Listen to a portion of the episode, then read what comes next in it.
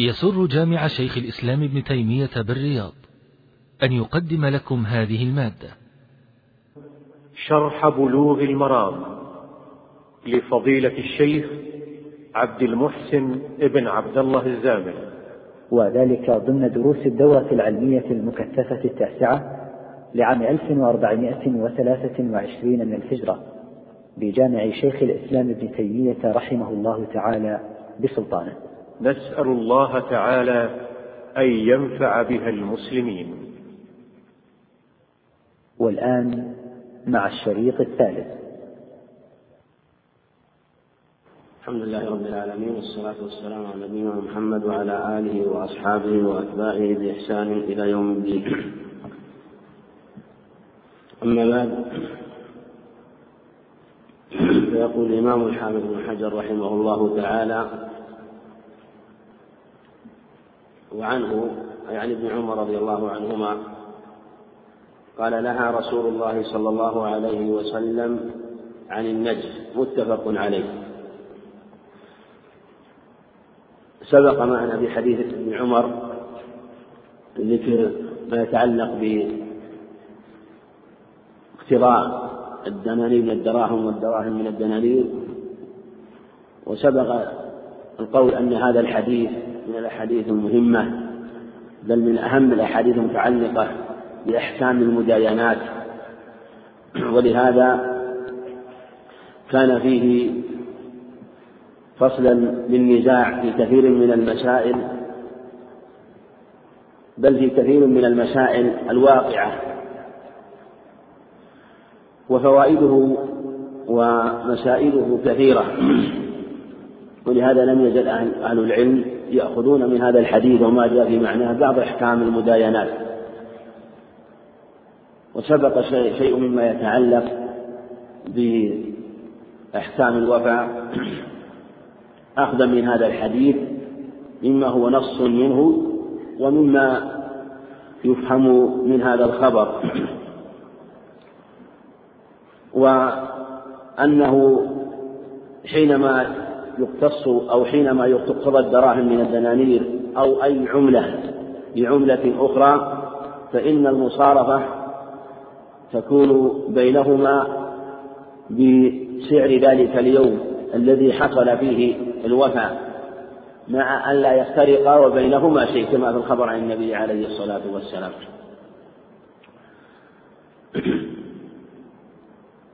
وهذا هو الواجب. وعلى هذا يكون هذا الخبر مخصصا لعموم الأخبار الأخرى.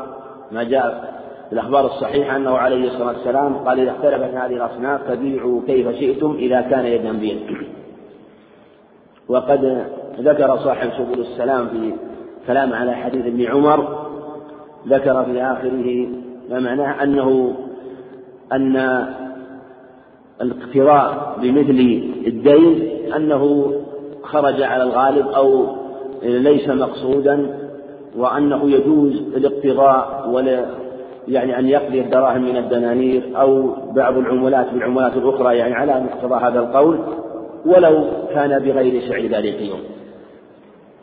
أخذا من عموم الأخبار أو من الخبر الذي قال فإذا اختلفت هذه الأصناف بيعوا كيف شئتم.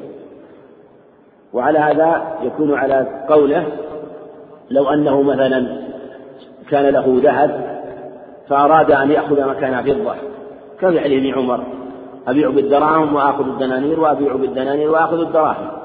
فلو كان له في ذمته مثلا مئة دينار وأراد أن يأخذ دراهم يجوز أن يأخذ مثلا مكان الدنانير دراهم. فلو كان سعر الدينار في ذلك اليوم عشرة دراهم تقابل دينار أو تساوي دينار. فيكون مئة دينار يكون ثمنها ألف درهم. هو يقول يجوز أن يأخذ ألف مئة ألف مئتين لاختلاف الصنف. وهذا لا شك أنه قول ضعيف ومما يؤخذ عليه رحمه الله خاصة أن له عناية بالحديث وكأنه أخذ بعموم الخبر. والقاعدة أن الأخبار العامة لا تعارض الخاصة وأنه إذا جاء خبر خاص وخبر عام فالخاص كما يقول العلماء يقضي على العام أو الخاص مقدم على العام. ويقال هذه الأخبار التي جاءت بأنه إذا اختلفت هذه الأسماء فبيعوا كيف شئتم. هذا إذا كانت مصارفة إذا كانت المصارفة مصارفة عين بعين. عين بعين. دراهم حاضرة بدراهم حاضرة. دولارات بريالات. ريالات بدنانير.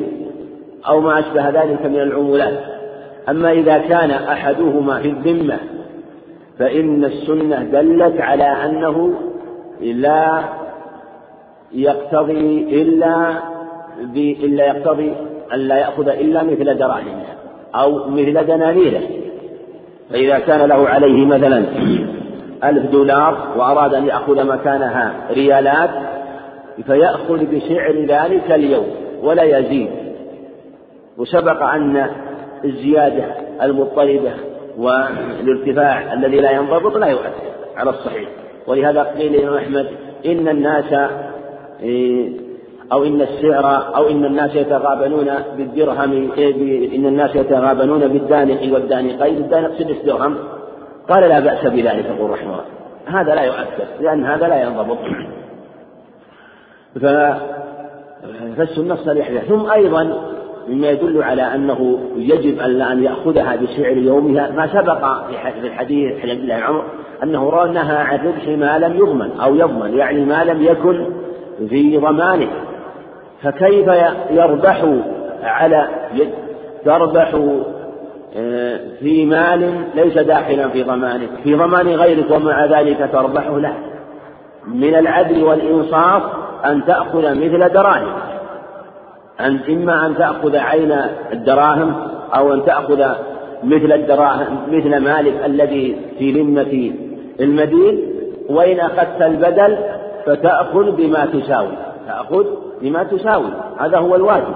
ولهذا لو كان له في ذمته دين غير الدراهم مثلا له في ذمته مثلا يعني له في ذمته بر أو شعير أو طعام مثلا وأراد أن يستبدله بغيره فإنه يأخذ ثمن طعامه.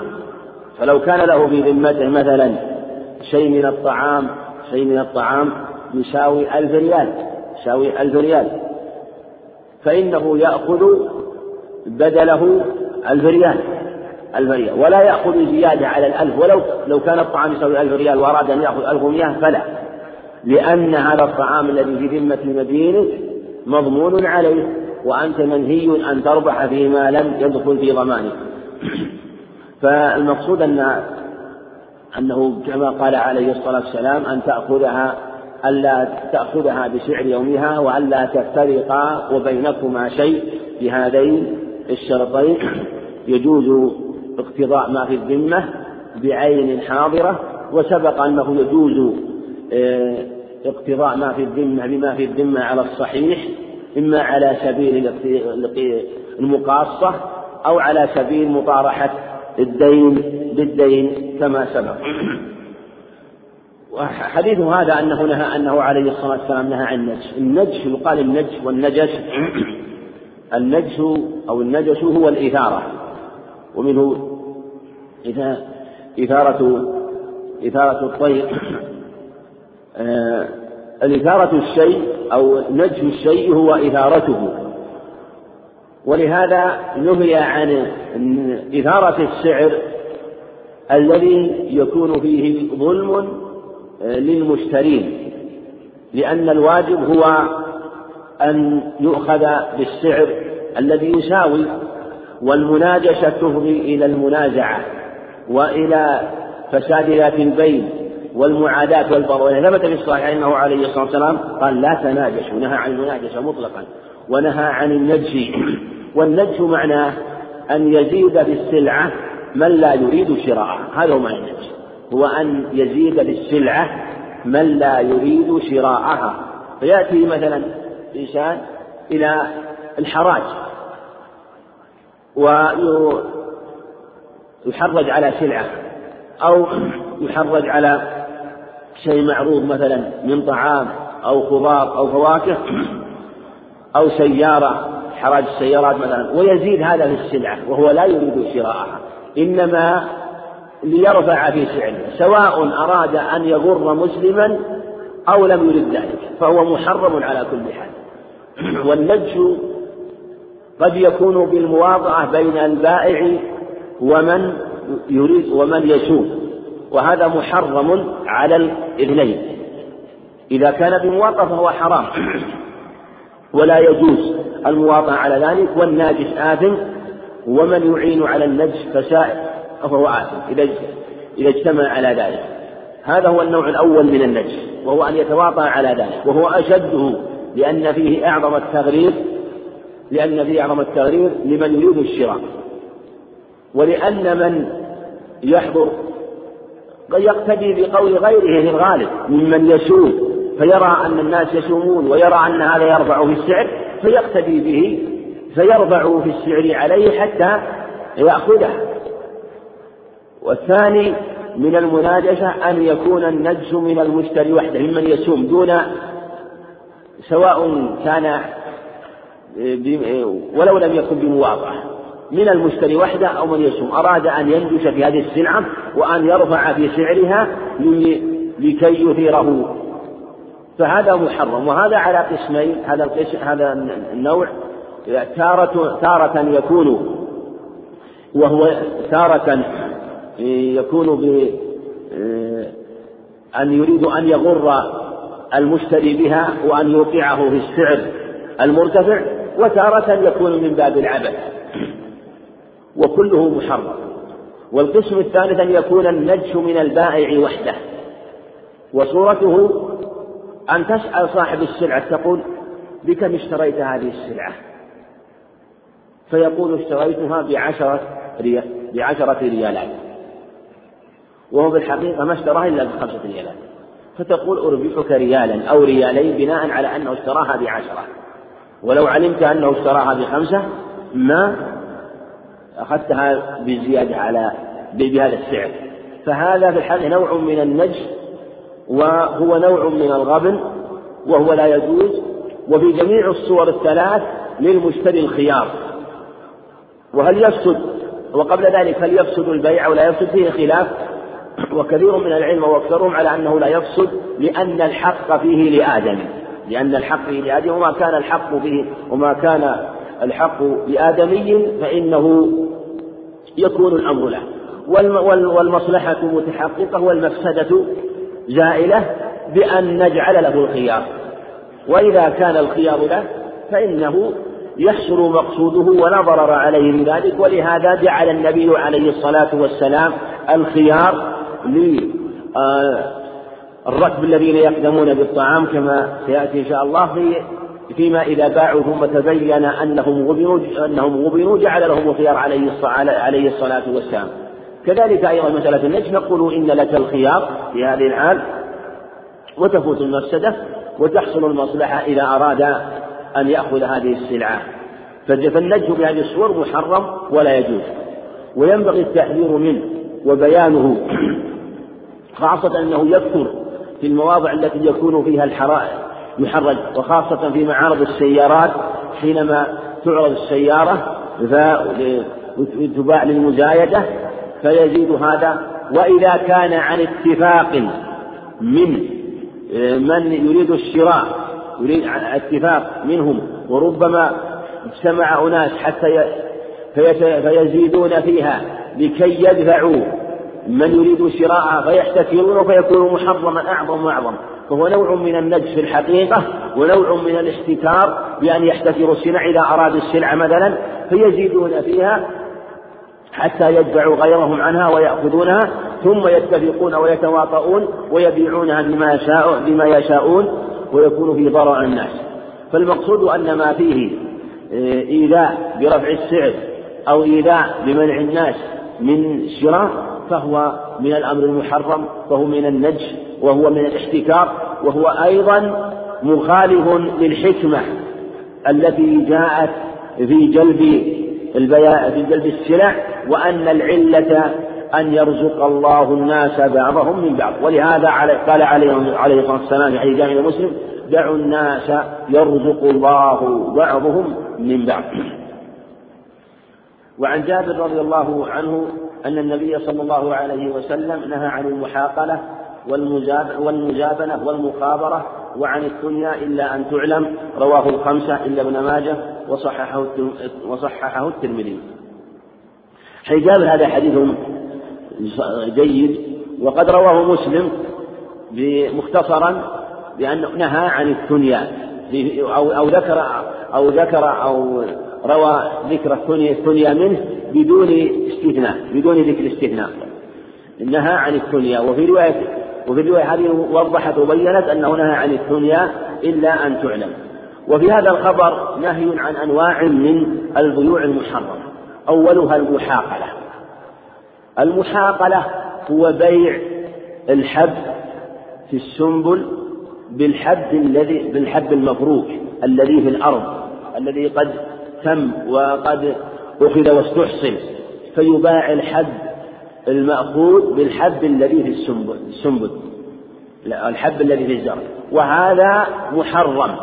لماذا يحرم بيع الحب الذي في السنبل بالحب المفروز؟ لأنه يكون بيع حب معلوم وهو الحب الذي خارج السنبل بالحب الذي في السنبل ومعلوم أن الحب الذي يكون في السنابل ولا زال في الزرع لم يفرك ولم يؤخذ من يعني لم ينظف ولا ولا زال فإنه لا يعلم قدره. فيكون البيع بيع معلوم بمجهول. بيع معلوم بمجهول. وهذا والحب من الأصناف الربوية. والأصناف الربوية يشترط فيها إذا اتفق جنسها التماثل. التماثل. فإذا باع البر بالبر يجب التماثل. ومقياس التماثل هو هو الكيل في الحبوب.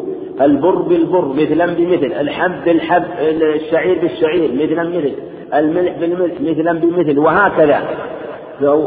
وإذا جهل التماثل كان الربا. والقاعدة في باب الربا أن الجهل بالتماثل كالعلم بالتفاضل أن أن الجهل بالتماثل كالعلم بالتفاضل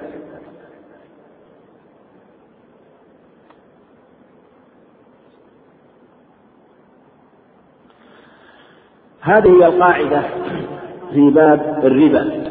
فلما لم نعلم فلما لم يتبين التساوي أو العلم بالتساوي كان محرما. ولها وعلى هذا وسمي المحاقلة من الحقل لأنه يكون في الحقل فسميت المحاقلة. سمي بيعها أو أو نهي عن المحاقلة كما جاء في الخبر. وعلى هذا إذا كان الحب الذي في السنبل حب إذا كان شعيرا. والحب الذي المفروض المفصول الذي قد نضف بر على قاعدة الشكر يجوز ولا ما يجوز؟ نقول يجوز. لماذا يجوز؟ لاختلاف ماذا؟ لاختلاف الجنس لاختلاف الجنس. فلو كان الحب مثلا الم... الذي قد نضف الحب الذي في الأرض قمح. والذي في السنابل شعير. آه، فإنه يجوز لأن العلم بالتفاضل جائز فالجهل به يكون يكون جائزا من باب أولى. وإذا القاعدة نقول ينظر في الحب في الحبوب. إذا كان الحب مختلف الجنس جاز مطلقا ولا إشكال فلا يكون داخلا منه. وإن كان الحب كان الجنس واحدا فإنه لا لا يجوز. لكن نهى عنه عليه الصلاة عليه الصلاة والسلام مطلقا لأنه في الغالب لا يباع الجنس إلا بالجنس فنهي عن بيع الجديد بالحديث لأنه في الغالب يكون البيع الجديد بالحديث فنهي عنه كما سيأتي مسألة المجابنة صورة على هذه إذا عندنا الصورة الأولى أن يكون الجنس مع الجنس مماثل حالة أن يكون الجنس مختلف. فعند يعني عندما يستوي الجنس يكون محرما وعندما يختلف الجنس يكون جائزا. الصورة الثالثة أن يكون أن تكون السناء أن يكون حب قمح والذي في والسنابل قمح.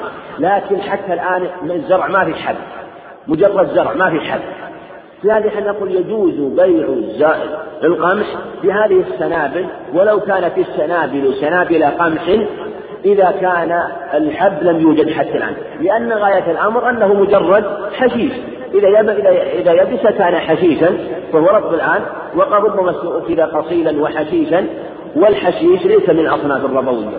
فيجوز بيع القصيل إذا لم يكن فيه حب إذا لم يكن فيه حب بأي حب كان لأنه لا يكون من الأصناف الربوية. ولو كان القصير من جنس الحب الذي قد نضف لكن بشرط أن لا يوجد في السنابل شيء من الحب كذلك نهى عليه الصلاة والسلام عن المجابنة والمجابنة هي بيع الثمار هي بيع ماء الثمار أو بيع الثمر بالثمر من بيع بيع العنب بالزبيب. وكذلك يدخل في المجابنة المحاقة لأن المجابنة تشمل بيع الثمار وبيع الزروع. و فعلى هذا يكون ذكرها من ذكر العام بعد الخاص وخصها عليه الصلاة والسلام لأن لها اسما خاصا. ويكون النهي عن بيع الحب الحديث بالجديد يكون آه، نهي عنه نهيا آه، بالخصوص ونهي عنه بالعموم من جهة المجابنة. وسميت المجابنة آه، بهذا الاسم من الزبن وهو الدفع. ومنه الزبان الذين يدفعون بأهل النار إلى النار. فالزبن هو الدفع لأن كل بائع يدفع صاحبه ويريد أن يستوفي حقه. فعلى ولا تجوز المجاملة. المجا... لأنه لأن العلة كانت لأنه يجب التماثل في الأصناف الربوية. فإذا أراد أن يبيع ثمر النخل الرطب في رؤوس النخل أراد أن يبيعه بتمر في الأرض فلا يجوز. لأن الذي في رؤوس النخل لا يعلم قدره إلا بالخرص. والخرص في في باب الربا لا يجوز وعلى هذا لم يعلم التماثل. فإذا لم يعلم التماثل يكون أو جهل التماثل. والجهل بالتماثل كما سبق كالعلم بالتفاضل فلا يجوز أن يباع النخل. التمر في رؤوس النخل بالتمر الذي في الأرض لا يجوز إلا كما سيأتي في مسألة عرايا بشروطها وأنها تجوز في خمسة أوسق فأقل بشروطها التي ستأتي إن شاء الله. كذلك أيضا بيع العنب بالزبيب. لا يجوز لأن العنب الذي لأنه لا يمكن أن يتماثل فهذا زبيب وهذا وهذا عنب. فلا يمكن فلا يحصل التماثل واختلف العلماء في مسائل من من هذا الصنف. هل تجوز أو أو لا تجوز؟ المقصود أن من شرطه أنه يجب أن يكون متماثلا وهي كالقاعدة في باب الربا يباع التمر بالتمر. وعلى هذا هل يباع الرطب بالرطب؟ فيه خلاف الأظهر أنه يجوز أن يباع الرطب بالرطب لأنها آه لأنه في هذه الحال مساوي. وإن كان إذا تناهى ييبس ويختلف في الكيل ولا زال يتناهى آه، حتى يخف يعني حتى يخف في الكيل أو حتى يقل حجمه في الكيل لكن ما دام في هذه الحال متساوي فالصحيح أنه يجوز بيع الرطب بالرطب وإن كان وإن كان آه، هذا الرطب وهذا الرطب في ثاني حال وإن كان غير مستويين. فعلى هذا تكون مزابنة محرمة والمخابرة. وعن الدنيا إلا أن تعلم. المخابرة من الخبار وهي الأرض التي تزرع أو من الخبار وهو الأبكار وهو الزارع والمخابرة اختلف فيها اختلاف كثير. وسيأتي في باب وفي باب المزارعة ذكر ما يجوز من مما يعني مما يباع من الأرض من ثلثها أو أن تزرع المزارعة من الثلث أو الربع على الصحيح بشيء مشاع مسمى معلوم لكن ما نهى عنه عليه الصلاة والسلام من المخابرة غير ما أجازه من المزارعة. المخابرة التي نهى عنها هي المخابرة المفضية إلى الغرض. ولهذا قال الليث رحمه الله ليث بن سعد إن الذي نهى عنه النبي عليه الصلاة والسلام شيء إذا نظر فيه ذو البصيرة بالحلال الحرام علم أنه ربا أو علم أنه حرام أو كما قال رحمه الله. المخابرة أن تحصل مثلا أن يتفق مثلا المزارع مع العامل يقول زارعتك على هذه الأرض وأن لك الجزء الغربي منها أو الجزء يعني ما يزرع غربيها أو ما يزرع شرقيها أو ما يكون في هذه الجهة أو ما يكون مثلا قريبا من الماء قريبا من البئر أو ما يعني يخص بقعة معينة فإذا خص بقعة معينة فإنه يحرم. لأنه نوع من الغرر والمخاطرة. قد يكون مخاطرة في حق المزارع وقد يكون في حق العمل. فيجوز ألا تزرع إلا الأرض هذه إلا هذا القسم. ولا تنبت إلا ولا ينبت إلا القسم الذي خصصه. فيحصل مخاطرة في حق المزارع. وقد وقد تزرع جميع الأرض إلا هذا الموضع.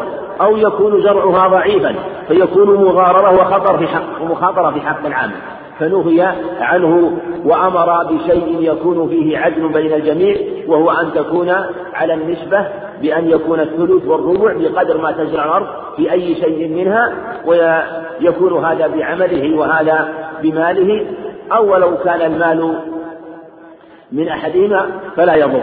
ولهذا نهى عن الثنيا إلا أن تعنى. في الحديث الآخر عند مسلم عن الثنيا يعني الاستثناء. رواية الخمسة هنا السنن نهى عن الثنيا إلا أن تعنى وضحت وبينت.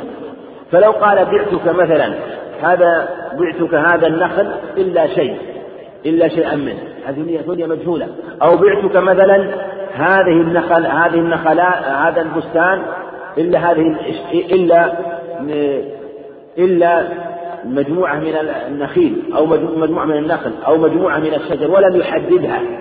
أو يقول بعتك هذا البستان إلا شيئا أحدده أنا فيما بعد.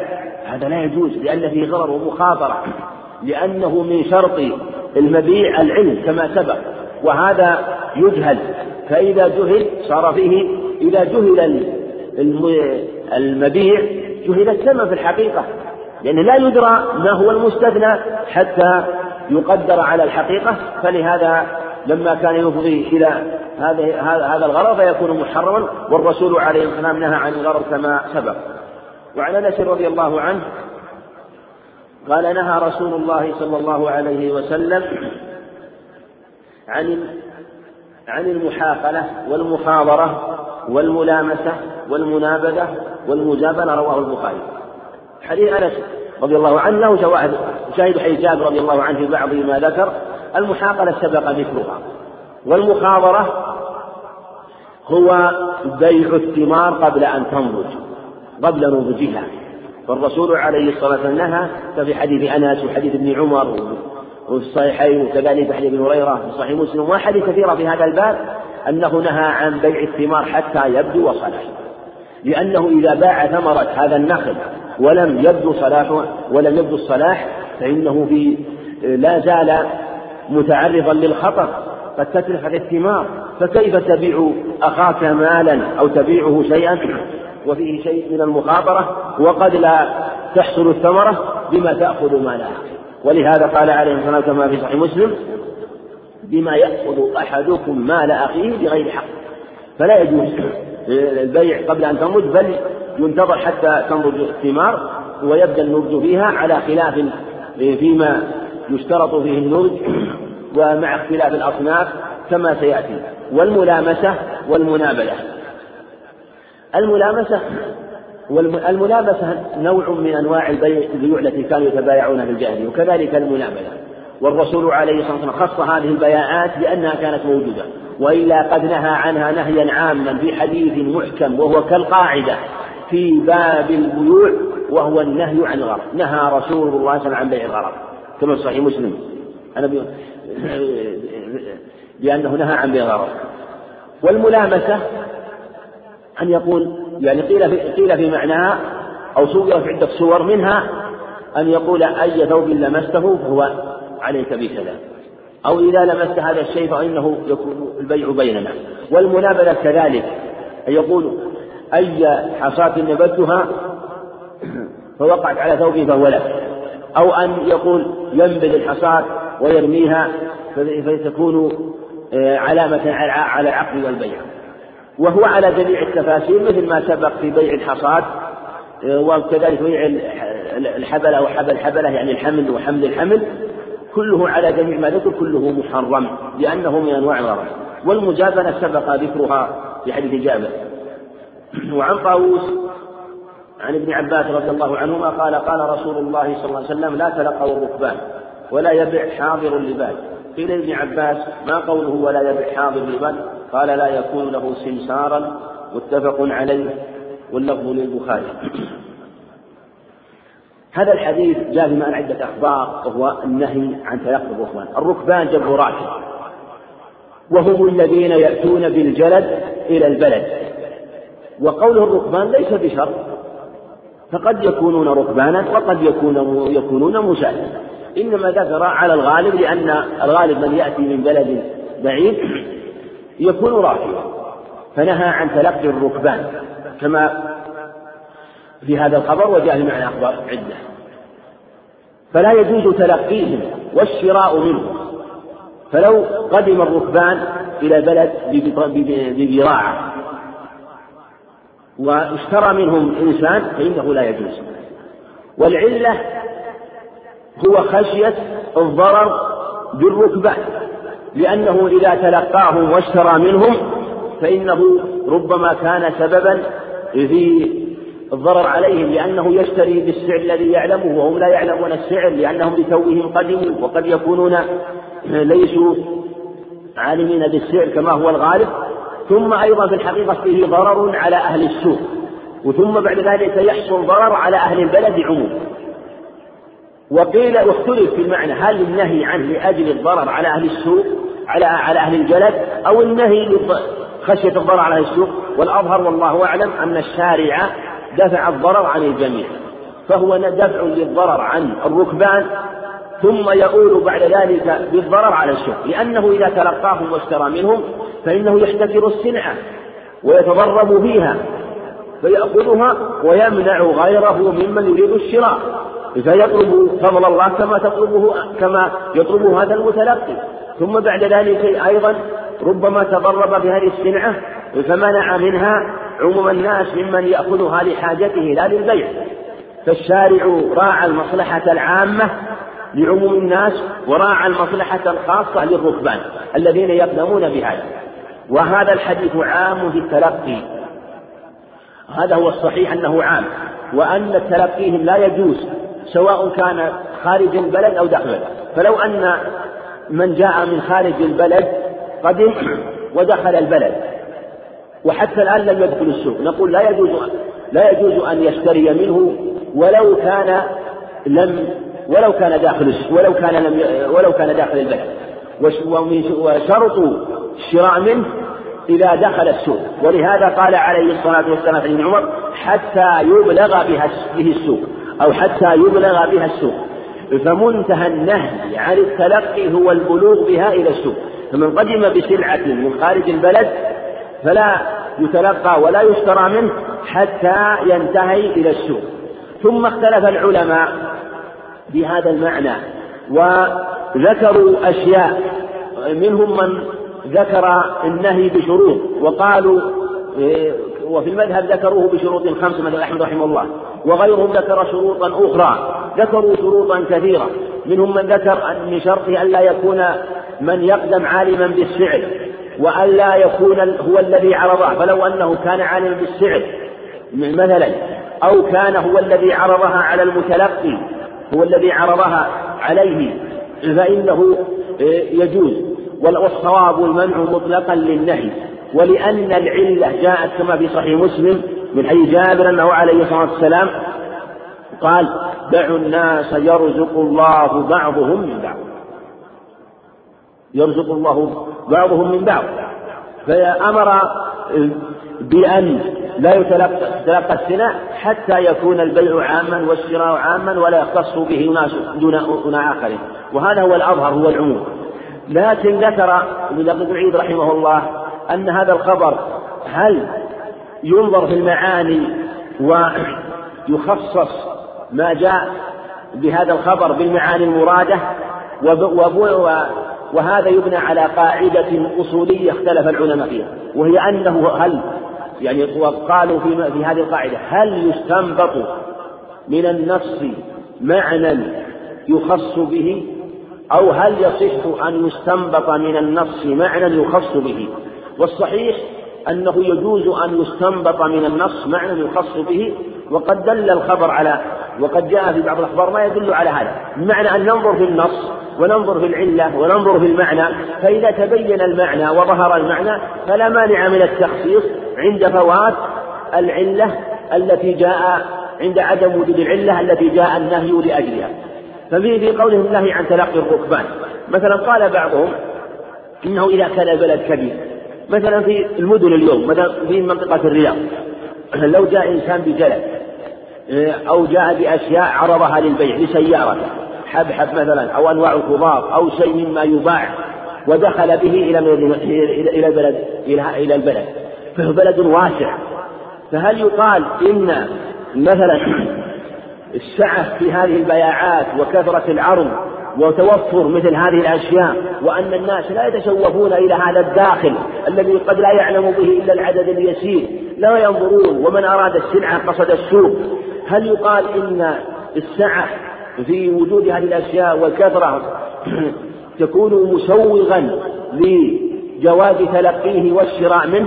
مثل لو أن إنسان لقي هذا في في مكان أو لقيه عند في محطة مثلا أو أو واجهه عند مسجد أو في في مكان يستريح فندق أو سكن فاشترى منه قبل أن يبلغ إلى السوق إلى السوق الذي قصده.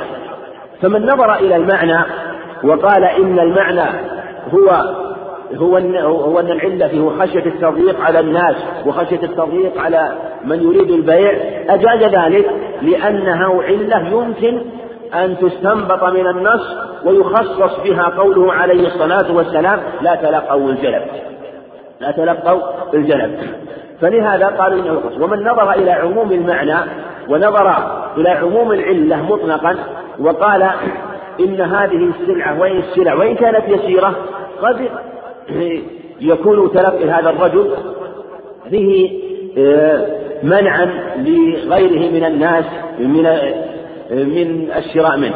فالمقصود أن هذا دائر على المعنى. فلهذا قال عليه الصلاة تلقوا الجلد ثم هذا الخبر في في في في اللفظ الآخر عام سواء كان الذي قدم من البادية أو من الحاضر. ولهذا قال في اللفظ الآخر نهى عن بيع الحاضر للبادي ليس لم يرد به التخصيص من قدم من البادية من قدم بجلب من البادية بسمن أو غنم مثلا أو كان أو غيره مثلا مما يجلب بل قال عليه السلام ذكر البادي من باب الغالب. وإلا فلو قدم إنسان مثلا من مدينة إلى مدينة فإن الحكم عام. الحكم عام وإنما خرج على الأغلب لأنه في عهده عليه الصلاة والسلام الأغلب أن الجلب كان يكون من البادية. وإلا فالحكم على الصحيح للعموم كما هو قول جماهير العلماء. لا تلقوا الركبان ولا يبيع حاضر اللباس. كذلك أيضا لا يجوز أن يشتري منه ولا يجوز أن يبيع له. لا يجوز أن يبيع له. فلو تلقاه للشراء سبق أنه لا يجوز. ولو وأيضا مما يستفاد من قول تلقوا الركبان يعني لا تلقوا الركبان سواء خرج قاصدا أو لم يخرج. ولو أن الإنسان مثلا خرج من بيته مثلا لم يقصد تلقي ركبان وواجه في طريقه من يريد البيع. ينهى. لو قال أنا ما خرجت من البيت لقصدي أن أتلقى من يبيع ممن يقدم.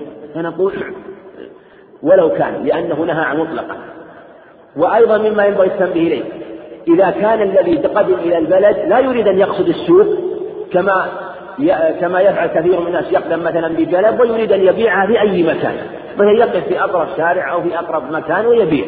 هذا لا ينهى عنه لأنه لم يقصد أن يعرضها للسوق بل قصد أن يبيع على أول من يريد أن يشتري كما يقع لكثير ممن يريد عرض السلعة فإنه يريد أن يبيعها ممن تيسر. مثل هذا غير داخل في النهي. ما دام أنه يريد أن يبيعها لمن يريد شراءها ولم يقصد إلى السوق فلا بأس بذلك. إذا لا يكون النهي واردا إلا لمن للسلع التي يقصد بها إلى السوق الذي يتبايع به الناس.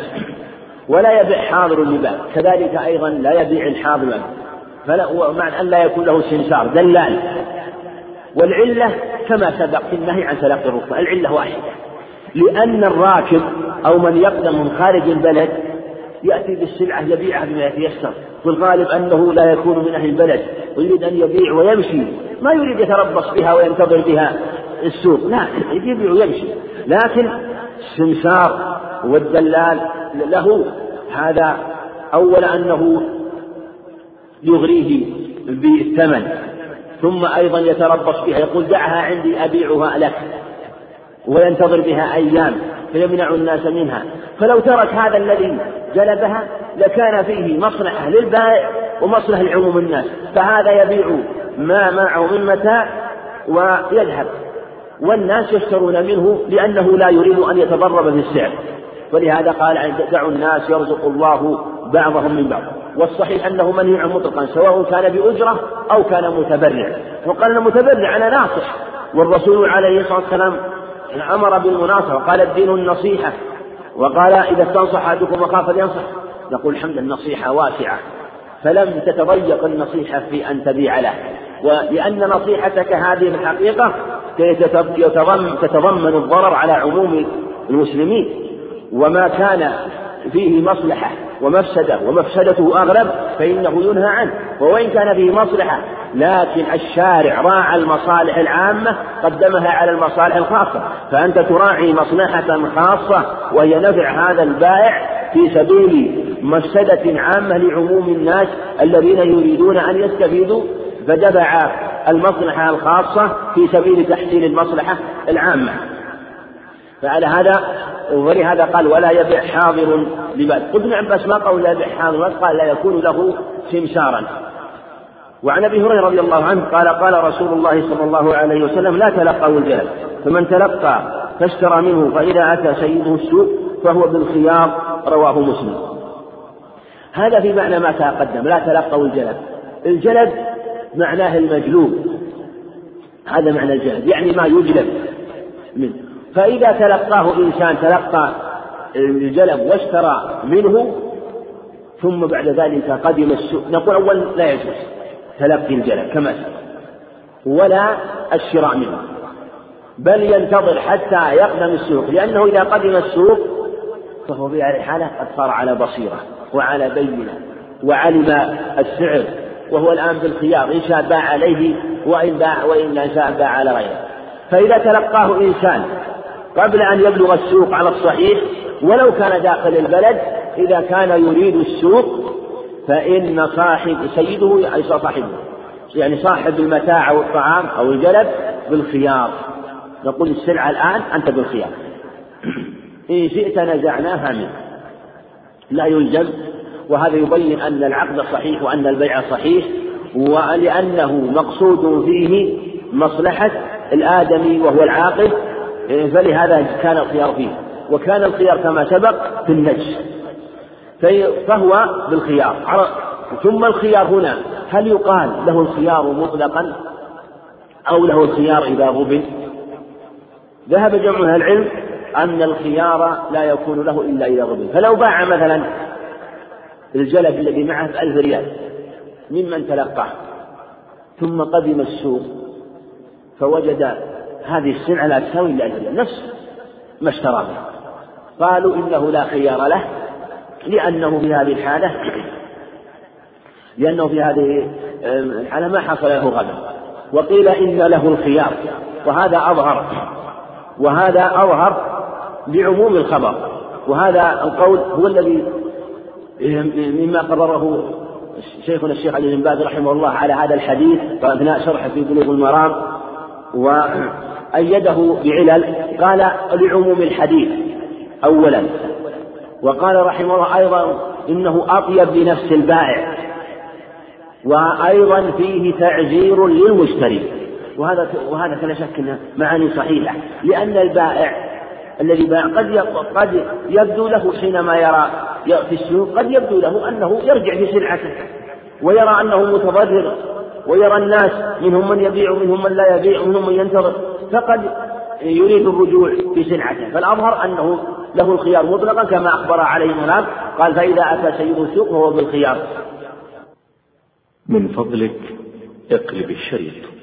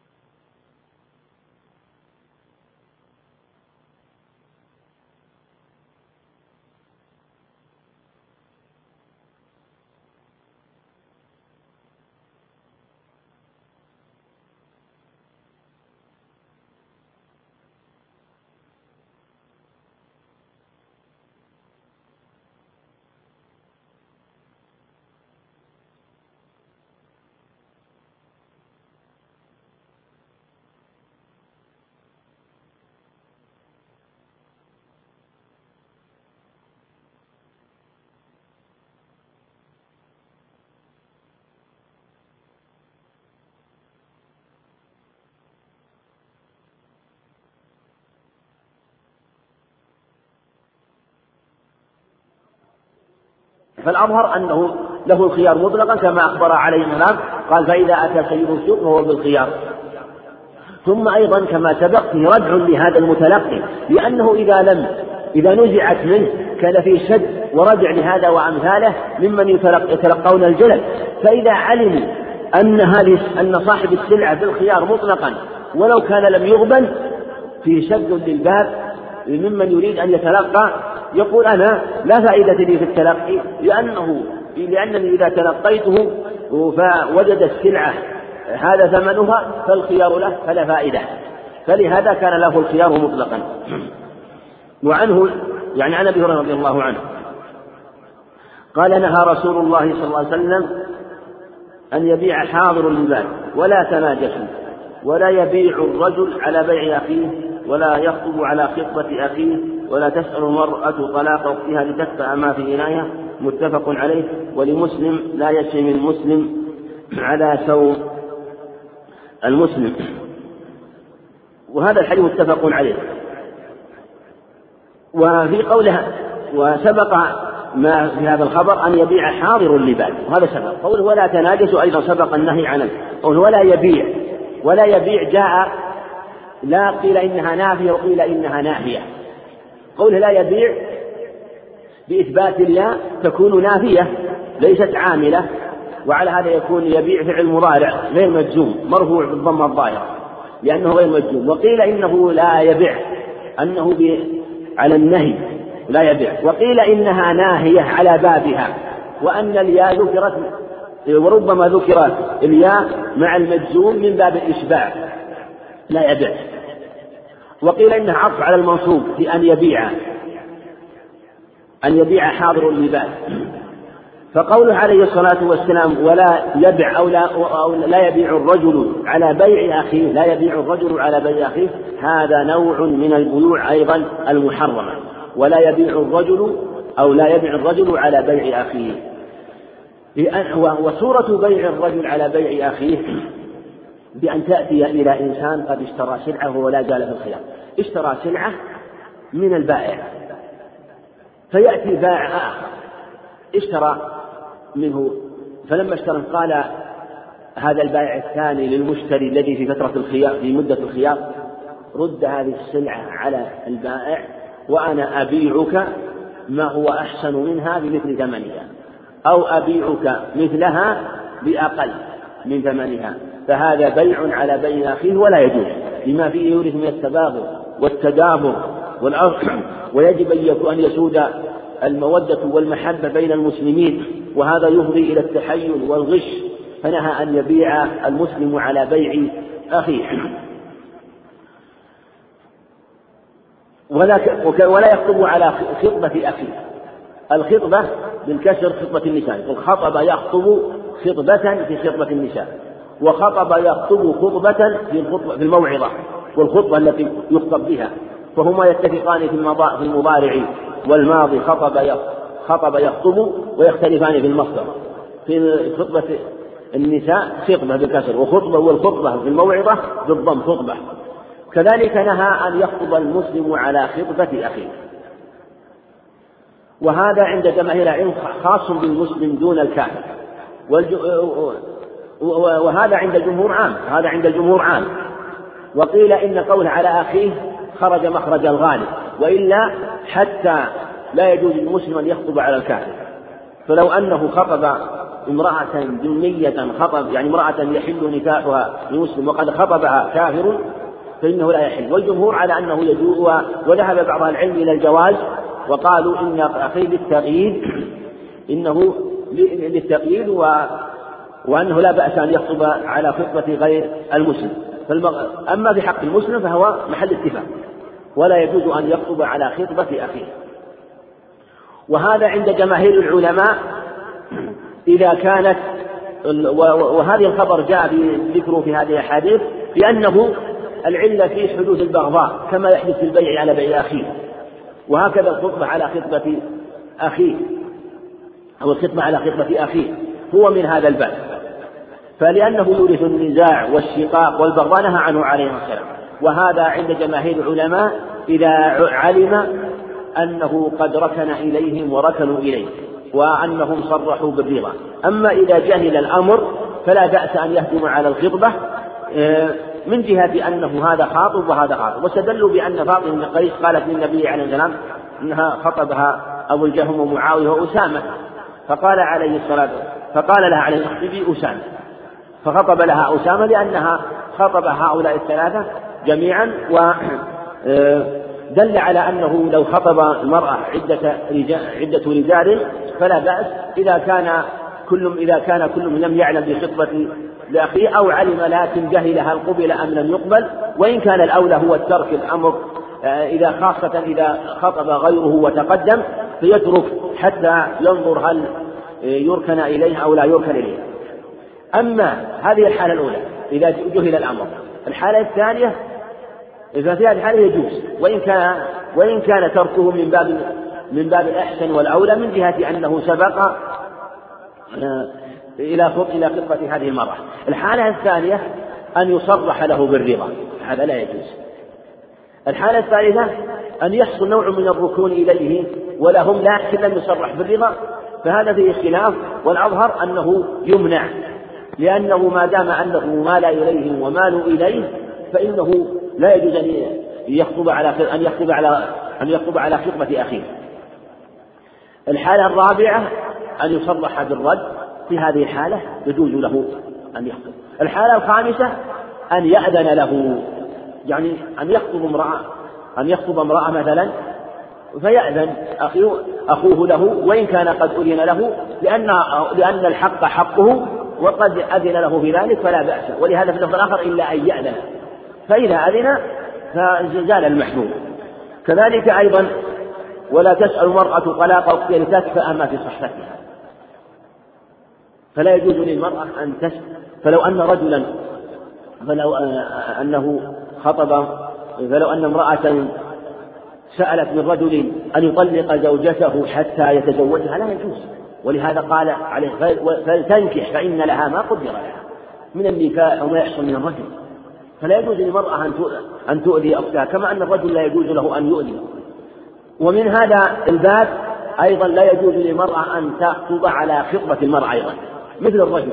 الرجل لا يجوز له أن يخطب على خطبة أن يخطب على خطبة أخيه والمرأة لا يجوز أن تخطب على خطبة أختها. صورته لو أن امرأة رغبت في رجل. فتقدمت إليه بنفسها أو بوليها لأجل أن تنكحه وأن تتزوجه.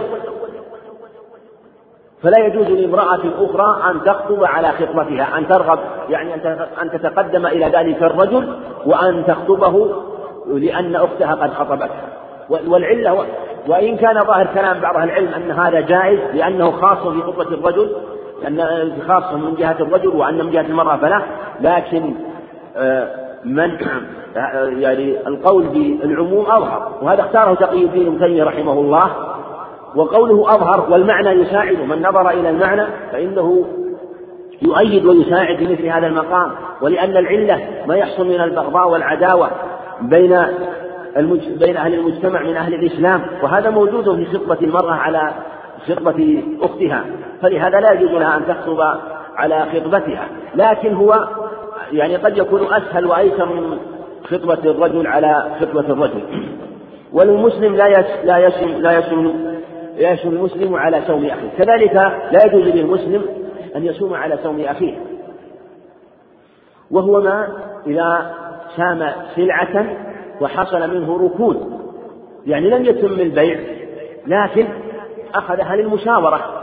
أخذ السلعة للمشاورة سامها أو قال هذه السلعة إذا كنت سوف تبيعها بهذا الثمن فلعلي أشتريها ولا وأنظر حصل منه ركود.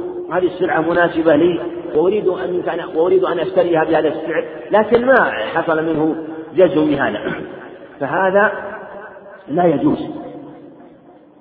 فلا يجوز له أن يصوم على صوم أخيه لأنه العلة مثل ما سبق.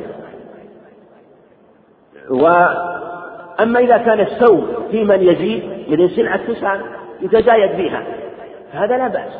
وقد اتفق أهل العلم على أن على أن البيع فيما يزيد جائز هذا يزيد وهذا يزيد. أما إذا حصل قدر زائد على المزايدة من جهة أنه ركن أحدهما إلى الآخر وحصل منهم نوع من التراضي وإن لم يحصل عقد للبيع في هذه الحال لا يجوز. كما سبق أنه لا يجوز أن يبيع على بيع أخيه. كذلك آه، الشراء على شراء أخي أيضا مثله أيضا لأنه عام لأن البيع النهي عن البيع مثل النهي عن الشراء. النهي عن البيع مثل النهي آه، على الشراء على أخيه. فلا يجوز له أن يشتري سلعة يقضي مثلا الشراء على الشراء مثلا يأتي إلى إنسان قد اشترى سلعة بعشرة ريالات فيأتي إلى البائع ويقول افسخ ارجع في هذه السلعة وأنا أشتريها منك ب 11 ريال أو 12 ريال. فهذا شراء على شراء وهو داخل في البيع. وعن أبي أيوب الأنصاري رضي الله عنه قال سمعت رسول الله صلى الله عليه وسلم يقول من فرق بين والدة وولدها فرق الله بينه وبين أحبته يوم القيامة. رواه أحمد رواه أحمد وصحه الترمذي والحاكم ولكن في إسناده مقال حديث أبي أيوب الأنصاري له شاهد كما ذكر المصنف رحمه الله من حديث عبادة بن الصامت وفي سند عند ابن حبان الحاكم وفي سنده ضعف. حديث أبي أيوب هذا فيه ضعف من جهة أنه رواية حيي بن عبد الله المعافري وفيه ضعف. لكن شاهد حديث عبادة شاهد حديث علي بن أبي طالب أيضا الذي بعده ولو شاهد من حديث أبي موسى الأشعري وهو الحديث مجموعة هذه الطرق يكون صحيحا. وفيه أنه عليه السلام نهى عن التفريق بين الوالدة وولدها وذلك في بيع في البيع. إذا كانت المرأة ملكت هي وولد هي وولدها من ابن أو بنت ملكهما. فأراد أن يبيعهما. أراد يعني نفل مثلا يعني حينما استولى المسلمون مثلا على هؤلاء وكان منهم الذرية والنساء والصبيان فملك ملكه مثلا الإمام أو إمام الجيش ملكه امرأة وابنتها. فإنه لا يجوز أن يبيعهما إلا جميعا. ما يجوز يبيع الأم وحدها والبنت وحدها لما فيه من التفريق من بين الأم وابنتها. وهذا محل اتفاق إذا كان بين الأم وابنتها أو بين الأم وابنها. وهذا محل اتفاق إذا كان الولد صغير. لأن فيه ضرر على البنت على على الولد وفيه ضرر على الوالدة وفيه نوع من قطيعة الرحم حينما يفرق بينهما. والرسول عليه الصلاة والسلام كما في حديث نهى عن بيع الأخوين وقال ارتجعهما. فإذا نهى عن الأخوين فالنهي عن بيع عن التفريق بين الأخوين فالنهي عن التفريق بين الأم وولدها من باب أولى. وفي معناه الوالد وولده أيضا يعني سواء كان الأب أو الأم. وذهب جمهور العلماء إلى أنه يجوز التفريق بين الوالد وولده إذا كان الولد بالغا. لأنه إذا كان الولد بالغا فلا ضرر. وفي الغالب أن الولد البالغ من ابن أو بنت يحصل التفرق بينهما ويتفرقان ولا بلا ضرر.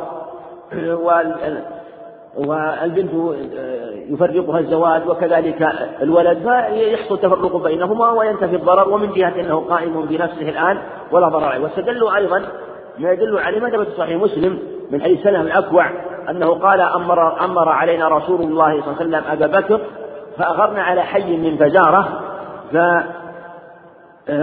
عرسنا في الليل فلما كان مع الفجر وصلينا الفجر أغرنا على فسننا الغارة على فجارة.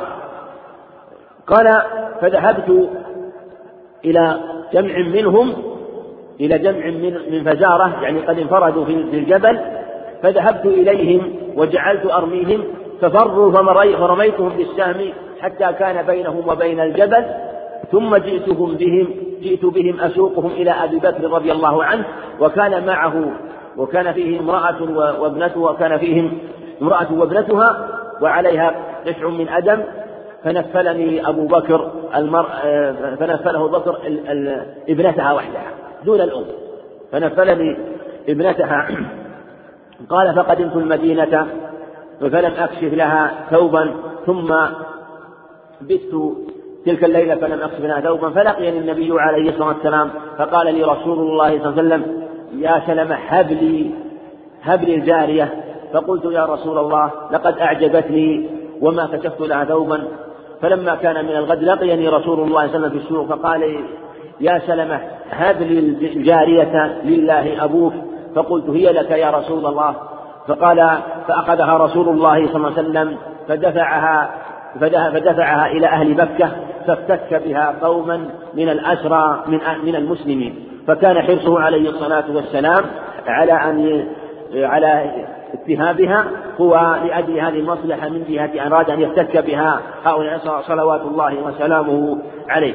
ففيه أنه وهبه البنت دون أمها دل على جواز التفريق بين الأم وابنتها وذلك عند البلوغ كما قال أهل العلم. حديث علي بن أبي طالب وعن علي بن أبي طالب رضي الله عنه قال أمرني رسول الله صلى الله عليه وسلم أن أبيع غلامين أخوين فبعتهما فرقت بينهما فذكرت ذلك للنبي صلى الله عليه وسلم فقال أدركهما فارتجعهما ولا تبعهما إلا جميعا رواه أحمد ورجاله ثقات وقد صححه ابن خزيمة وابن جارود وابن حبان والحاكم والطبراني وابن القطان. حديث علي بن طالب حديث جيد وهو دال كما سبق أنه كما يجوز لا يجوز التفريق بين الفروع والأصول. يعني لا يجوز التفريق بين الوالد وولده وكذلك أيضا لا يجوز التفريق بين الأخوين اختلف العلماء في بقية ذوي الرحم لكن في الأخوين هو نص في الحديث. وكذلك أيضا بين الأختين فالرسول عليه الصلاة والسلام أمر بارتجاعهم. وهذا دليل على إبطال البيع في هذا دليل على عدم صحة البيع. ولهذا أمر عليه الصلاة والسلام أن قال أدركهما وارتجعهما فارتجعهما رضي الله عنه.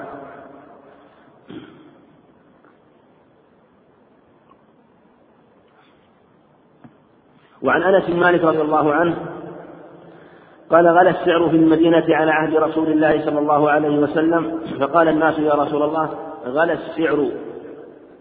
فسعر لنا فقال رسول الله صلى الله عليه وسلم إن الله هو المسعر القابض الباسط وإني لأرجو أن ألقى الله تعالى وليس أحد منكم يطلبني بمظلمة في دم وما ولا مال. رواه الخمسة إن النسائي وصححه ابن حبان. هذا الحديث حديث صحيح وله شواهد من حديث ابن هريرة ومن حديث أبي سعيد الخدري تدل على هذا المعنى دل على الخبر. والتسعير معنى تحديد ثمن السلع. ذهب جمهور العلماء إلى أنه لا يجوز التسعير لا يجوز التسعير ولهذا لأنه فيه آه، حسر أو فيه منعا للناس من التصرف في, في, في هذه السلع. والرسول عليه الصلاة والسلام قال دعوا الناس يرزق الله بعضهم من بعض.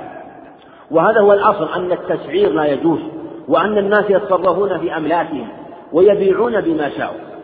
واختلف العلماء فيه قيل إنه لا يجوز مطلقا وقيل يجوز وقيل وهو الأظهر يجوز عند الحاجة.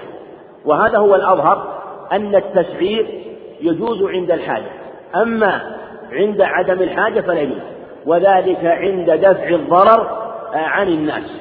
فإذا كان في ترك التسعير ضرر على الناس فإنه فالتسعير مشروع ومطلوب. أما مع عدم الضرر أو كان ارتفاع السعر لقلة الطلب مثلا أو لأمر سماوي لأمر لا لا صنع للناس فيه بأن يصرف بأن يكون من باب صرف إرادة الناس أو صرفها إلى الشيء أو صرفها عن الشيء أو أن يضع الله في قلوب الناس. الإقبال على شيء أو ما أشبه ذلك فيرتفع السعر مثلا في شيء من الأشياء فإن هذا لا يجوز فإنه لا يجوز التسعير في مثل هذه الحالة. ما دام أنه لأمر حصل وعرض ولا تسبب ولا تضر ولا تسبب من من أصحاب السلع وأصحاب البيع ولهذا لما غلى السعر قالوا سعنا قال إن الله هو المسعر القابض الباسط. وإني لأرجو الله وإني لأرجو أن ألقى الله وليس يطلب نحن مظلمة في دم ولا مال. فإذا ارتفع السعر بدون بدون ظلم من الناس بدون تعد من الناس فلا. فعلى هذا يكون التسعير تارة نوعا من العدل ويكون التسعير تارة نوعا من الظلم. فإذا كان عدلا بين الناس كان واجبا ومستحقا وكان أمرا لازما على من له الولاية والإمامة والسلطة في تسعير الناس. وإن كان فيه ظلم فلا يجوز التسعير يعني ضرم ظلم لأهل البيع ولأهل الشراء فلا يجوز التسعير عليه. فهذا هو الصواب وهو الذي تدل عليه السنة ولهذا أمر عليه الصلاة والسلام قال من أعتق شخصا له في عبد وكان له ما يبلغ ثمن العبد قوم عليه قيمة عدل لا وكس ولا شطر فأعطي شركاؤه حصصهم أو عتق منه ما عتق. ولهذا شعر النبي عليه الصلاة والسلام قيمة الشخص في العبد الذي أعتق. لو أنه مملوك مشترك بين اثنين فأعتق أحدهما نصيبه فإنه ليس لله شريك بل يجب أن بل تسري الحرية في باقي العبد فينظر في المعتق.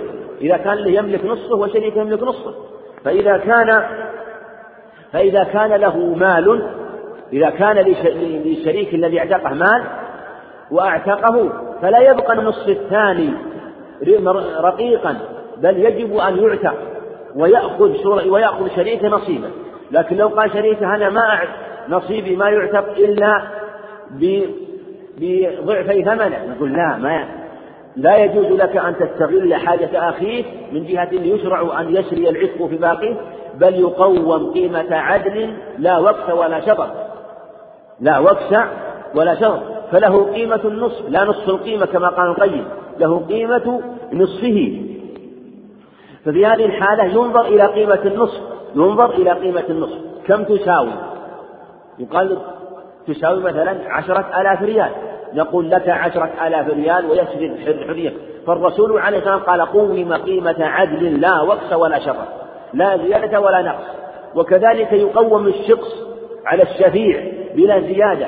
فالشرع دل على أنه أن التسعير مشروع إذا كان فيه إذا كان فيه دفع الظلم والضرر. كذلك أيضا إذا كان التسعير في دفع الظلم. مثل مثلا إذا فشلت معاملات الناس وفسد بيع كثير من الناس أو حصل ضرر أو حصل احتكار مثلا. مثل في الوقت الحاضر الآن تجد الاحتكار أو ما يسمى بالامتياز لبعض السلع. وناس مثلا يأخذون امتيازات لأنواع مثلا من البياعات أو الصناعات أو ما يجلب من مما مما يركب أو يؤكل أو ما أشبه ذلك. من وإن كان وإن كان ليس حقا من جهة أنهم يأخذون شيئا ويمنعون غيرهم من التصرف فيه مثلا في هذه الحالة لو تركوا وما أرادوا وتضرروا لتضربوا على الناس وباعوا بما يشاءون لأنهم لهم لأنهم الذين يأتون بهذه السلع وهم الذين احتكروها. فيجب التشعير على أمثال هؤلاء. ولا يترك لهم الحبل عن غالب فيبيعون كيفما شاءوا. فمثل التسعير في بعض أنواع الأطعمة والتسعير مثلا في الأدوية وكذلك في المركوبات من سيارات ونحوها فالتسعير في مثل هذه الحالة واجب. لكن يجب أن يكون التسعير عدلا. لا وكس ولا شر ولهذا قال عليه الصلاة والسلام قوم قيمة عدل لا وكس ولا شطر.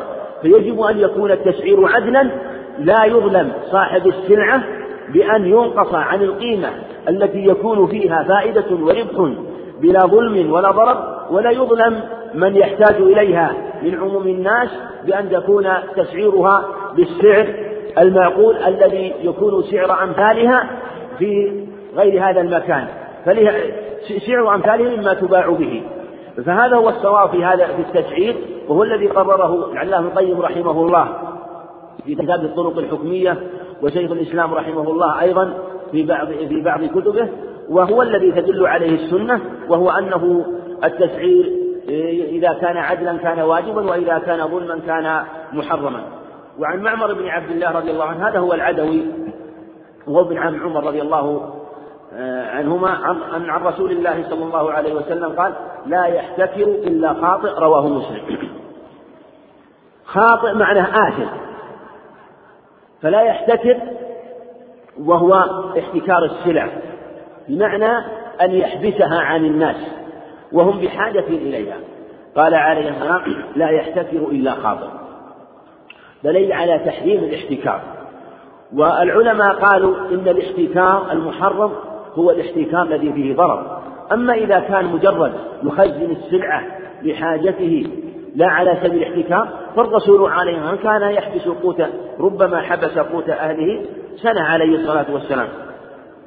كما ثبت في الخبر عنه عليه الصلاة والسلام.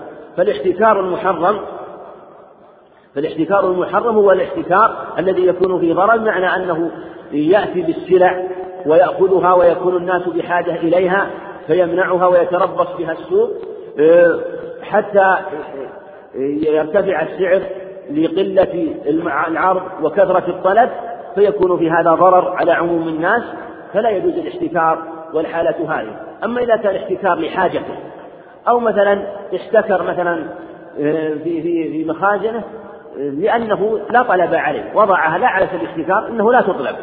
أو كان احتكرها ولم يكن لها طلب ولا ضرر فالأظهر أن مثل هذا لا بأس به. ثم اختلف العلماء في الاحتكار في مسائل هل هو عام أو خاص بالقوت وما يحتاج إليه؟ ظاهر النص العموم. وهذا هو الأظهر لأن حاجات الناس مختلفة. خاصة في مثل هذا الوقت الاحتكار يختلف في سلع كثيرة. فلا يختص بالقوت.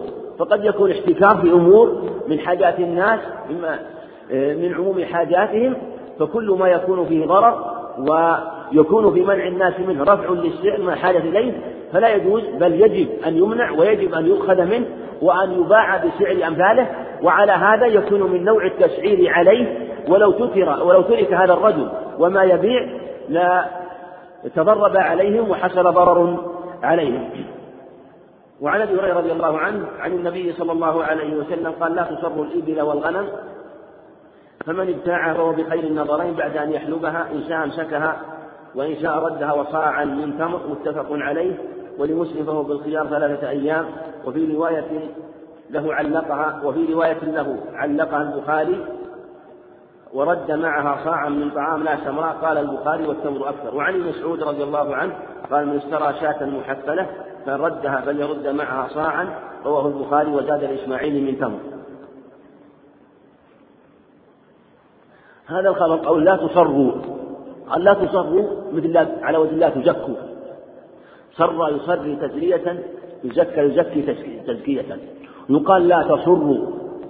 قال لا تصروا بضم التاء وفتح الصاد. يقال بالعكس فتح الصاد وضم فتح التاء وضم الصاد. لا تصروا. ولا تصروا من التصرية وهو الجمع. من صر يصري إلى جمع وهو جمع اللبن في الضرع.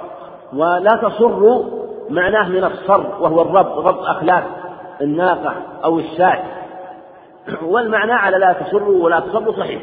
فلا تصروا من التصرية هو الجمع. ولا تصروا من الربط وهو ربط أخلاقها من الصر وهو الربط وهذا الحديث لا تصر الإبل والغنم. في الإبل والغنم. في اللفظ وأيضا يدخل به البقر. وفي اللفظ الآخر وهو عند أبي داود بسلام في ضعف من ابتاع محفلة يشمل كل محفلة. وفيه النهي كما في هذا الخبر عن بيع المحفلات وبيع وأنه لا يجوز. والمحفلة إلى التحفيل أو وهو الجمع ومن الحفل ومنه مجمع حافل لاجتماع الناس. وذلك لأن فيه تدليسا على المشتري لأن من باع محفلة وهو وهي التي قد أسميها الناس تحيين وهو جمع اللبن في الضرع. فإذا عرضها مثلا للبيع ورآها المشتري ورأى الثدي كبير ورأى اللبن مجتمع ظن أن هذا هو عادتها. وظن أن هذا هو حلبها وأنه وأن هذا اللبن هو لبنها. فهو وإن, وإن لم يكن يعني إذا جهل ذلك ودل أو جهل ذلك وكذلك أيضا وإن لم يكن بقصد من على الصحيح من المحفل ممن باع لو تحفلت بنفسها وكان فيه وحصل تدليس عليه بغير قصد فإنه أيضا له الخيار. فلا يجوز تجوز التصرية لأنها نوع من التدليس. فمن ابتاعه فهو بخير النظرين. يعني هو بالخيار. يعني إن شاء ابقاها وإن شاء ردها إن شاء ردها وإن شاء أبقى. إن أبقاها فلا شيء له. بالثمن الذي اشتراها منه. وإن ردها ردها وصاعا منك. وإن شاء ردها. قوله وصاعا قوله واو عاطفة وصاعا منصوب عطفا على الضمير في ردها في ردها. وكذلك أو أنه منصوب على المعية. يعني وصاعا من تمر تقول واو المعية. المقصود أن قوله وصاعا يعني أنه يجب عليه أن يرد صاعا من تمر. وردها وصاعا من تمر. وهذا هو الصواب وهو قول جماهير أهل العلم. ثم هو بالخيار بعد أن تتبين يعني بعد أن تتبين أن يتبين له التصرية وقيل من حين التصرية فيرد صاعا من تمر إذا أراد أن وهذا الصاع من باب قطع النزاع. وهذا من أعظم حكم الشرع. وبعض وكثير والأحناف وبعض من وافقهم ردوا هذا الخبر بأمور كلها ضعيفة بل بعضها باطل. والصواب ما ذهب إليه جمهور أهل العلم من أنه هذا هو الواجب وهو الذي دل عليه الخبر وهو مقتضى هو مقتضى الخبر بل هو مقتضى النظر والقياس.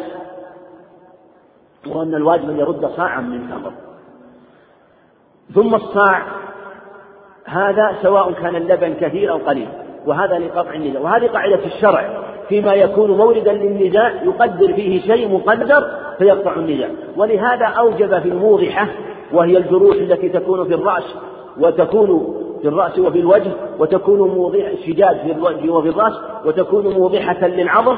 أوجب فيها خمس كما حديث عمرو بن شعيب عن أبي جده في المواضع خمس خمس. أوجب فيها خمس من الإبل سواء كانت الموضحة صغيرة أم كبيرة خمس. وكذلك أوجب في الجنين إذا سقط ميتا غرة غرة عبد أو أمة سواء مطلقا سواء كان آه، متعدد أو أو أو أو أو, أو واحد سواء كان ذكر أو أنثى أوجب فيه غرة عبد أو أمة.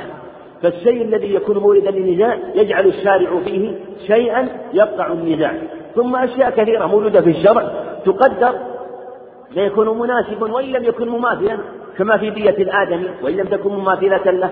وهكذا في بعض أنواع الديات والمقادير الديات ثم الصاع من التمر فيه مناسبة للبن. لأنه لأن الطعام لأنه مطعوم واللبن مطعوم وهو مكين واللبن مكين واللبن مكين. ولا ولا ولم يوجب أن يرد لبنا. لأن اللبن الذي قد لأن اللبن يجري فيه الربا.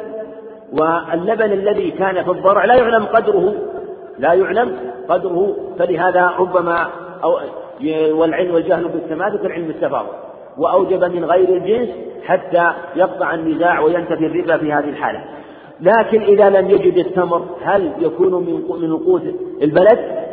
الصحيح أنه إذا لم يجد التمر أو كان غير متوفر فلا بأس أن يكون من قوت البلد. هذا كله مع عدم اتفاقهما. أما إذا اتفق على شيء فالأمر لهما.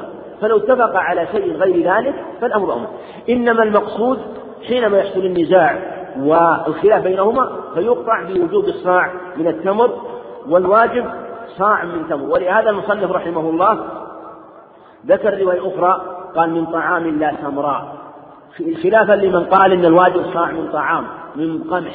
كما جاء في رواية والصواب أن أن الواجب ورد صاع من تمر. صاع من تمر.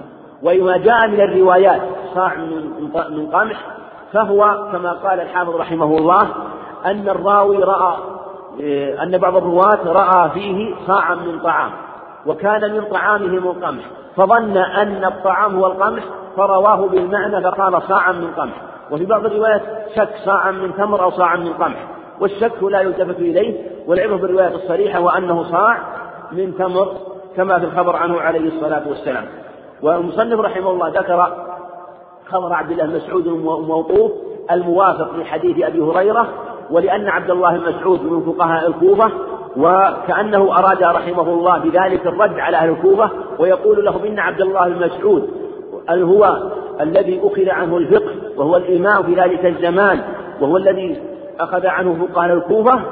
و وقد وافق أبا هريرة كأنه من باب الرد عليهم من جهة أنه وافقه هذا الفقيه الجليل الصحابي الجليل وهو من فقهاء أهل الكوفة رضي الله عن الجميع.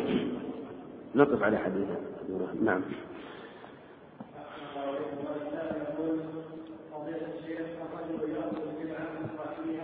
ثم يذهب إلى السوق فيبيع السلعة للمشتري على أنها عنده وبملكه وهي ليست عنده ولا بملكه وإنما هي عند صاحبها ومثال من الملابس يقوم رجل ويأخذ عينة قطعة واحدة ويذهب لتسويقها في السوق على أنها من ملكه ثم إذا باعها رجع إلى صاحب البضاعة فيقول له أعطني من هذه كذا قطعة وإذا لم يبيعها رجع فيقول خذ قطعتك فإني لم أجد لها قبولا فهل هذا جائز؟ المقصود أنه أنه إذا أخذ السلعة إذا أخذ السلعة فينظر إذا أخذ على جهة السوم إذا أخذ السلعة على جهة السوم فهذه لها حال. ف فإن كانت السلعة مملوكة لصاحبها إن كانت مملوكة لصاحبها جاز له أن يشتري مثلا عينة منها أو يأخذ عينة ثم يعرضها في السوق ويبيعها أو ينظر سلعته ثم بعد ذلك يأخذ من هذه السلع ما تيسر. وإن كانت غير مملوكة مثل يأتي إليه مثلا ويأخذ منه عينة ويعرضها في السوق ويبيعها. ثم بعد ذلك يقول بعني من هذه من هذه العينة مجموعة من مجموعة منها مجموعة منها وهي ليست موجودة عنده. في هذه الحالة لا يجوز للبائع أن يبيعها عليه لأنه لم يملكها. بل واجب عليه أن يحوزها وأن تكون في ملكه لأنه عليه أن قال لا تبع ما ليس عندك. إلا إذا كان قال له قال له في هذه السلعة أحضرها أو أحضر عينة منها ثم بعد ذلك إذا أحضرها كان بالخيار كان بالخيار إن شاء باع عليه وإن شاء لم يبيعها. فهذا لا بأس به.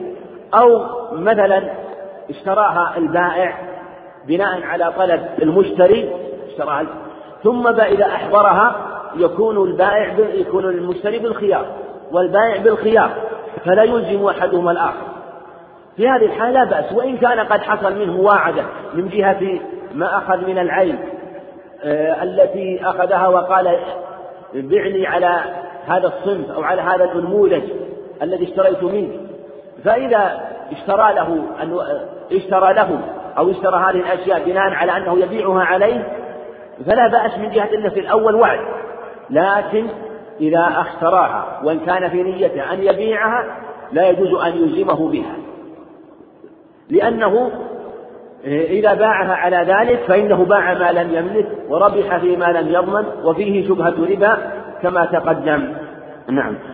أحسن الله إليكم. وهذا يقول هل يجوز لي أن آخذ من المشتري قيمة السلعة قبل أن يقبض السلعة؟ وذلك كأن لم, لم تكن موجودة عندي فأقول له تعال غدا وخذ سلعتك وآخذ عليه المبلغ مقدما أو جزء منه. فهل هذا جائز؟ هذا مثل ما سبق.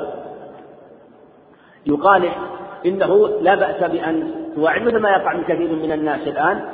يأتي الإنسان إلى صاحب المحل مثلا يبيع المواد الكهربائية أو المواد الصحية أو يبيع مثلا في الأغذية ويقول أريد أن تحضر لي مثلا كيس أرز أريد أن تحضر لي هذا الجهاز. فيقول البائع نعم تأتي غدا وهو موجود تلقى موجود. وما يكون موجود عنده ولا في المخازن ولا في المستودعات. لكن الواجب على المشتري في هذه الحالة أن لا يعقد مع البيع ولا يضرب معه موعد في يعقد معه عقدا بأن يتم البيع بينه بين بينهما كما سبق.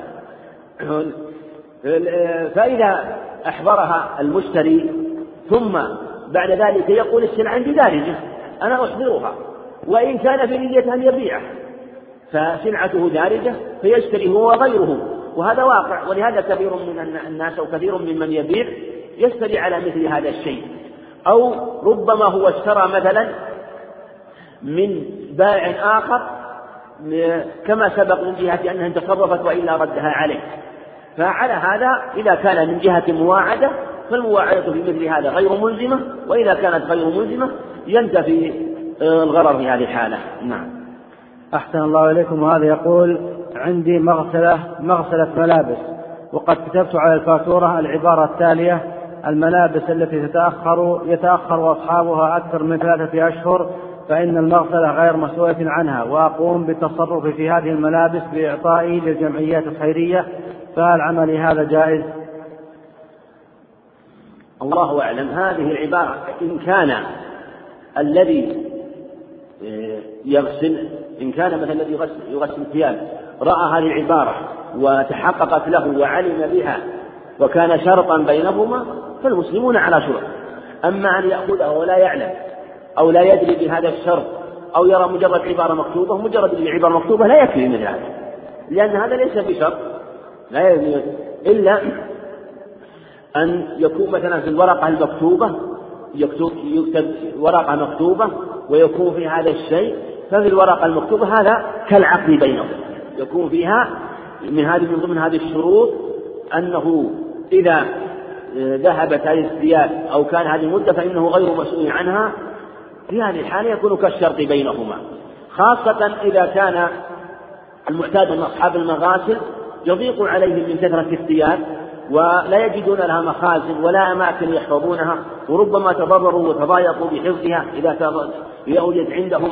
ف وهو وصاحب والمعتاد مثلا أن الثياب تغسل في فترة يوم أو يومين أو ربما زادت في بعض أنواع ما يغسل وينظف فينظر في العرف في مثل هذا. فإذا كان مثلا أنه يتضرر ببقائها كما هو المعتاد فله أن يشترط مثل هذا الشرط لكن ينبغي أن يكون الشرط واضحا ويكون الشرط مشترط. إما أن يكون في العقد الجاري بينهما في الورقة المستلمة أما مجرد ما يكتب بلوحة مثلا هذه لا تأخذ لأن هذا اشتراط عام لا يمكن أن يلتزم به وقد وقد مثلا يقول مثلا من يريد آه، صاحب الثياب هذا لا أعلم به ولا وليس بينه وبين هذا الشرط. لكن إذا كان موجودا في هذه الورقة ثم هو آه، فإنه الورقة المكتوبة يكفي مثل هذا لأنه لو لم يعلم هو المفرد لكن ينبغي أيضا أن يقال أنه ينبغي التنبيه على مثل هذا أو ينبغي التنبيه على مثل هذا لأن الشروط ينبغي أن تعلم ولا يجوز أن يكون العقد بشيء أو بشروط لم تعلم. فيتبين إلا إذا كان علم من العقود التي تجرى بينهم أنها مثل عقود معتادة ومعروفة وأنها جارية بينهم وأنه اشتهرت وعرفت مثل هذه الشروط فالمعروف عرفا كالمشروط شرعا فعلى هذا يكون المجوز له أمران. إما الشرع النص الصريح بالمكاتبة أو بالتصريح التنصيص على ذلك أثناء استلام الثياب.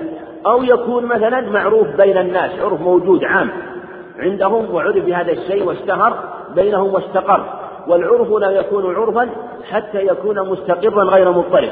فإذا استقر ولم يضطرب وإذا استقر ولم يضطرب في هذه الحالة يكون كالمشروط ويكون جيدا في هذه الحالة إذا التزم كأنه أذن له بعد ذلك بالتصرف فيها وقال إنه بعد ذلك لي حق لكن هل يقال إنه يجوز أن أن يأخذها مطلقا وأن يشترط هذا الشرط وأنه يقول إن هذه الثياب إذا كانت آه، يعني كون مثلا يقول غير أنا غير ضامن هذا صحيح. يعني عندنا المسألة فيها المسألة فيها شقان. شق عدم الضمان.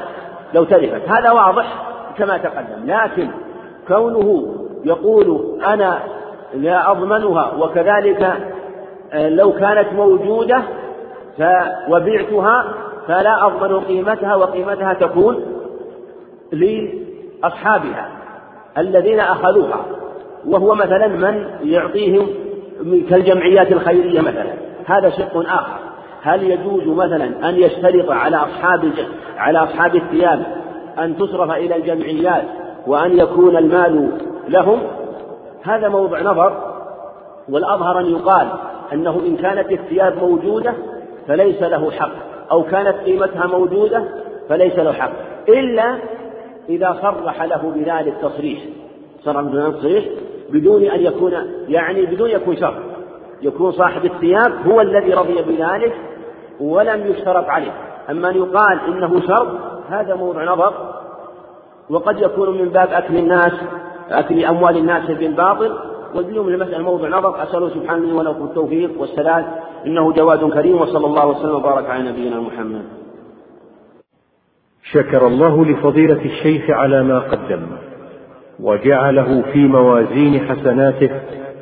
والسلام عليكم ورحمة الله وبركاته.